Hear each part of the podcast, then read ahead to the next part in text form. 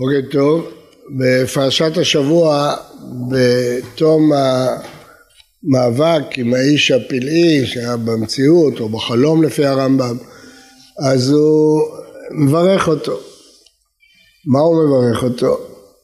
שואל אותו מה שמו ולפני שהוא מברך אותו הוא משנה את שמו ויאמר לא יעקב יאמר עוד שמך כי אם ישראל כי שרית עם אלוהים ועם אנשים ותוכל אותו מלאך, איש פילי, אנחנו לא יודעים בדיוק מהו, הוא שרו של עשיו, משנה את שמו מיעקב לישראל. והשינוי הזה, אחר כך, הקדוש ברוך הוא בעצמו מאשר אותו. כתוב, אה, כשיעקב עולה לבית אל, בונה שם מזבח, וירא אלוהים אל יעקב עוד בבואו מפדן ארם, ויברך אותו. ויאמר לו אלוהים, שמך יעקב, לא יקרא שמך עוד יעקב, כי אם ישראל יהיה שמך, ויקרא את שמו ישראל.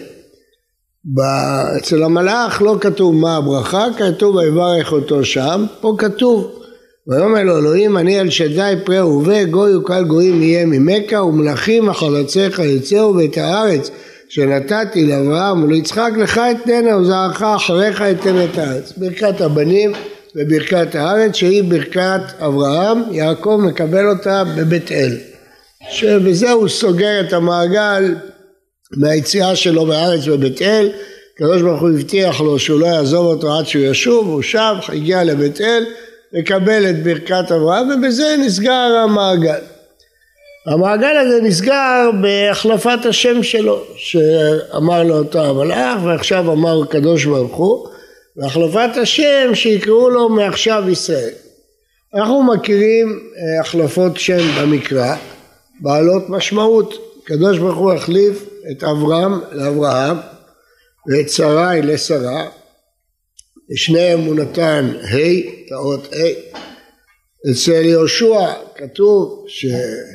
משה כששולח את יהושע משנה את שמו מהושע יהושע, הוסיף לו י' וכאן שמך יעקב מחליף לו את כל השם לא יעקב יקרא שמך כי עם ישראל כי שרית עם אלוהים ועם אנשים ותוכל אבל הגמרא במסכת ברכות מלמדת אותנו שהחלפת השמות היא לא זהה. מדוע? יש לה הכרח. כתוב לא יקרא שמך עוד יעקב, והנה בפרשה הבאה, וישב יעקב. אחר כך ויחי יעקב. הרי אמרנו לא יקרא שמך עוד יעקב, והתורה ממשיכה לקרוא לו יעקב. ובמקרא פעמים רבות מאוד בתנ"ך מלא בית יעקב, יעקב, יעקב. לעומת אברהם ושרי, שברגע ששינו את שמם, לא נמצא אף פעם אחת שמם הראשון, חוץ מסיפור היסטורי בנחמיה, אתה הוא השם האלוהים אשר בחרת באברהם, כי הוא מספר את ההיסטוריה, אבל אחר כך אף אחד לא קורא לו אברהם.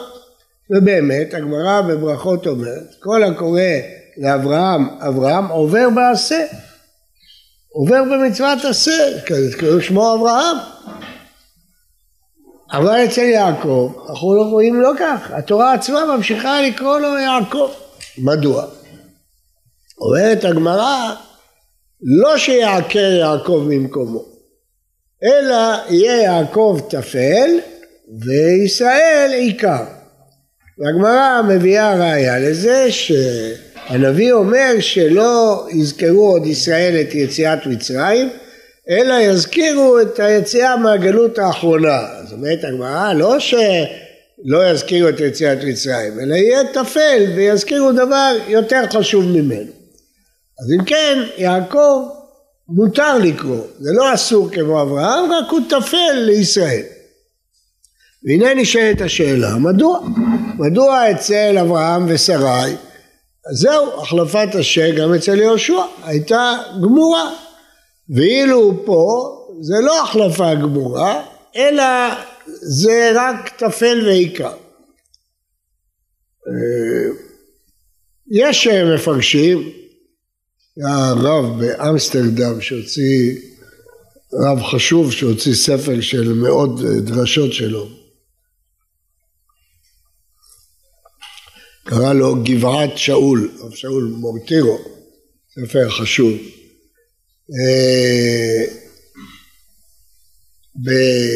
בספר הזה שהוא דרש עשרות שנים באמסטרדם, אה, מיוחד שבו היה לו תלמיד שאחר כך נהיה פילוסוף גדול מאוד ואחר כך אה, נידו אותו מקהל ישראל באמסטרדם, הוא היה תלמיד שלו. בכל אופן גבעת שאול מפרש שמדוע השם יעקב לא נעקר ממקומו כי כתוב שמך יעקב הקדוש ברוך הוא אומר לו שמך יעקב יותר מזה, כשהוא נולד כתוב ויקרא שמו יעקב, וחכמינו דרשו שהקדוש ברוך הוא קרא שמו יעקב.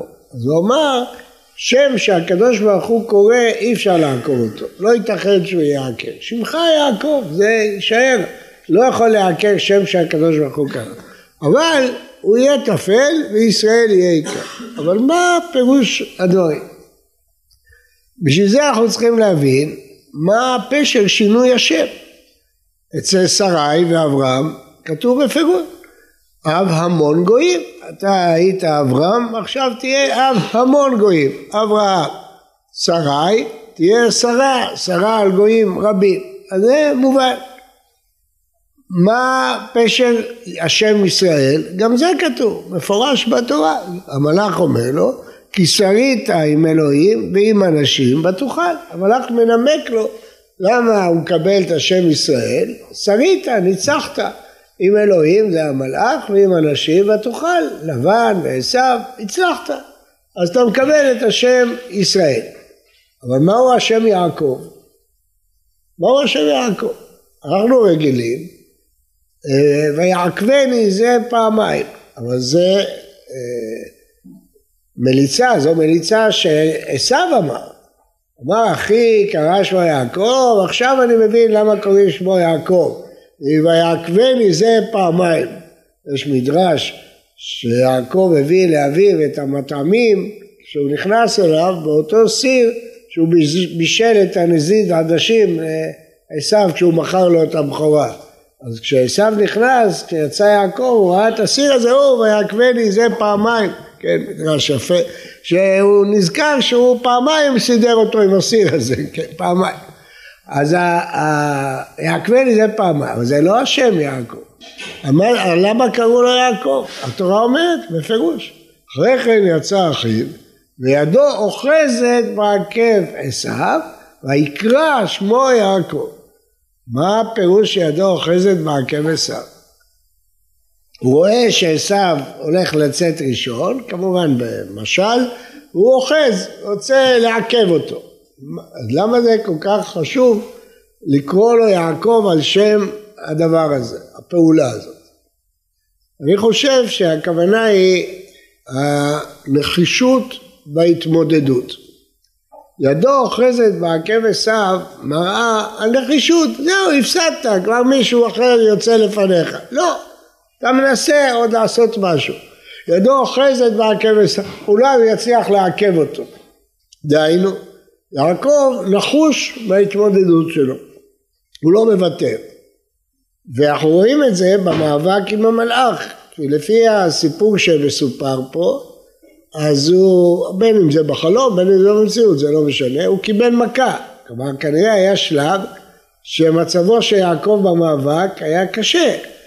ויאבק איש עמו עד עלות השער, הוא לא נשבר כתוצאה מהמכה שהוא קיבל, הוא המשיך להילחם איתו עד עלות השער, היה נחוש בהתמודדות עד שהוא ניצח.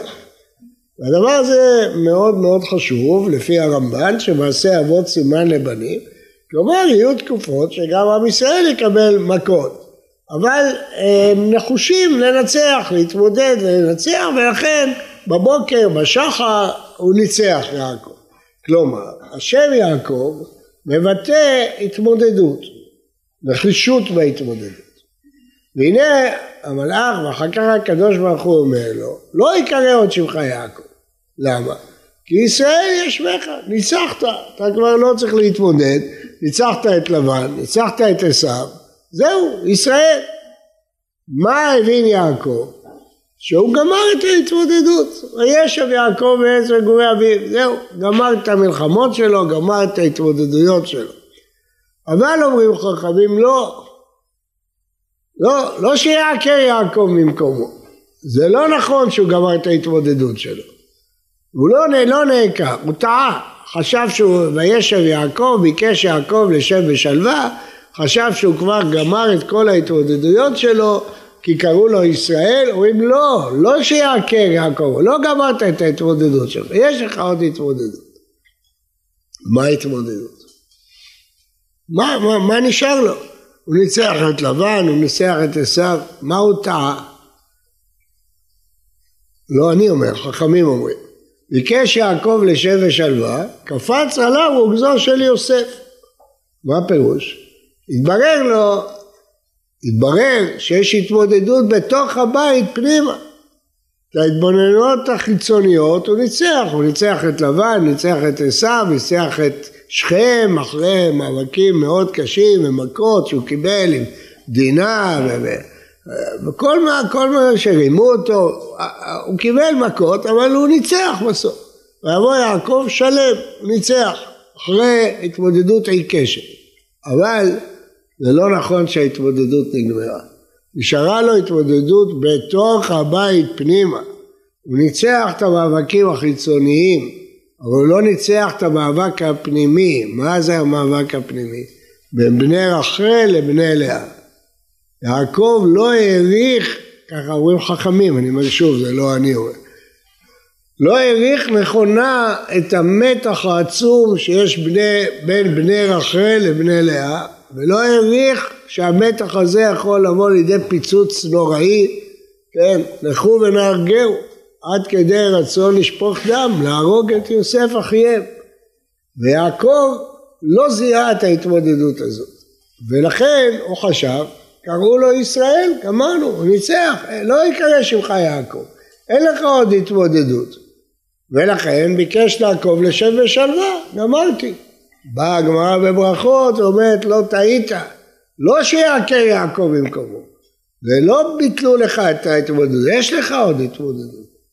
ומה ההתמודדות הזאת? התמודדות בתוך הבית פנימה. יעקב היה צריך למצוא דרך לעשות שלום בין בני רחל לבני לאה, לעשות את הבית אחד, לא רק להילחם עם לבן ועשיו ושכם, אלא לבנות את הבית שיהיה אחד. והיו לו אחדים בידיך. ולא רק שהוא לא עשה את זה, אלא הוא עשה ההפך מזה. הוא עשה ליוסף כתונת פסים, הוא גרם להגברת המתח. יעקב אהב את יוסף מכל בניו, אז הוא הגביר את המתח. במקום להשקיט את המתח, הוא הגביר את המתח. אומרים חכמים, זה הטעות של יעקב. ולכן, לפי זה, אני מפרש שזה הפירוש. לא יעקר יעקב במקומו, זאת אומרת ניצחת את לבן ואת עשיו, אבל לא גמרו ההתמודדויות שלך. יש לך עוד התמודדות פנימית, ואני לא יכול להתאפק, למרות שאני לא נוהג לעשות את זה, אני לא יכול להתאפק מלהשוות את הדימוי הזה אלינו. כן, ישראל, שמך, ניצחנו, ניצחנו את הערבים, ניצחנו במלחמות, ניצחנו את האויבים, ובמידה מסוימת גם ניצחנו את גרמניה והיטלר, יצאנו משם, בנינו אומה חזקה.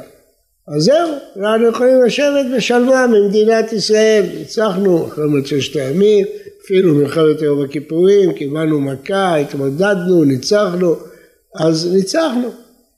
אבל שכחנו שיש התמודדות בפנים, כמו שיעקב אבינו לא הבחין. לא מספיק שאתה מנצח את ההתמודדויות החיצוניות שלך מול האויבים. אתה צריך גם לבנות את הבית שיהיה אחד, ובזה לא הצלחנו. הצלחנו, כמו שיעקב אבינו הצליח לנצח את לבן ואת עשיו ואת שכם, גם אנחנו הצלחנו.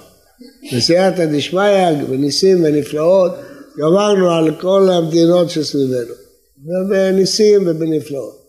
אבל חשבנו שהגיע הזמן לשבת בשלווה כמו יעקב, גמרנו, ניצחנו אפשר להתעשר, אפשר לעסוק ברווחה כלכלית, נכון? אבל שכחנו שיש עוד התמודדות. בתוך הבית פנימה, יעקב אבינו היה צריך לאחד את בית ישראל, להפוך אותם לעם אחד, את יוסף ואת את יהודה. וזה שהוא לא הצליח, זה אחר כך נמשך לאורך כל הנביאים והמלכים, יהודה ובנימין. ולמעשה אפשר לומר שהקרע הזה לא התאחה. לא התאחה. אנחנו בפרשת אה, ויגש רואים שהקרע בין יוסף ואחיו נראה לנו שהתאחה, אבל מי שקורא בנביאים יודע ששבט יוסף ובנימין, אפרים ומלכות יהודה, המלחמות נמשכו כל הזמן, זה לא התאחה הקרע הזה. הנביא יחזקאל מבטיח שלעתיד לבוא זה יתאחה. ואם נעבור לנמשל, גם אנחנו. חשבנו שניצחנו ויכולים לשבת בשלווה. לא. זה לא מספיק לנצח את האויבים החיצוניים. אתה צריך לבנות את הבית שיהיה אחד, שלא יהיה בו קרעים. ולא רק שאנחנו לא מאחלים את הקרעים, אלא כמו יעקב אבינו, אנחנו מגדילים את הקרעים. לא רק שאנחנו לא הופכים את העם לאחד, אנחנו מגדילים את המתחים בתוך חלקי העם. והקרעים הולכים וגדלים, במקום לאחות אותם. זה מה שיעקב אבינו, אומרים חכמים שהוא טעה. שהוא ביקש לשב בשלווה אחרי כל המאבקים שלו, הוא חשב שהוא כבר הצליח. הוא לא ידע שיש לו מאבק בבית פנימה בין אחים, מאבק שהיה מסתיים ברצח חלילה של יוסף. והיה אסון כבד עלול להתחולל. וגם ככה, שיוסף נמכר לעבד עשרות שנים, זה גם אסון. אבל יכול להיות אסון עוד יותר כבד. כל זה אחרי שהוא ביקש לשב בשלווה. לפי עניות דעתי, זה מה שכתוב בגמרא בברכות. לא שיעקר יעקב ממקומו. זה לא שאמרו לו, אתה כבר לא תהיה יותר יעקב, אתה תהיה רק ישראל. לא. אתה תהיה בעיקר ישראל, כי ניצחת, אבל עדיין אתה יעקב. יש לך עוד התמודדות גדולה שלא ביצעת, זה התמודדות בתוך הבית פנימה לאחד את בית ישראל. שבת שלום וברכה.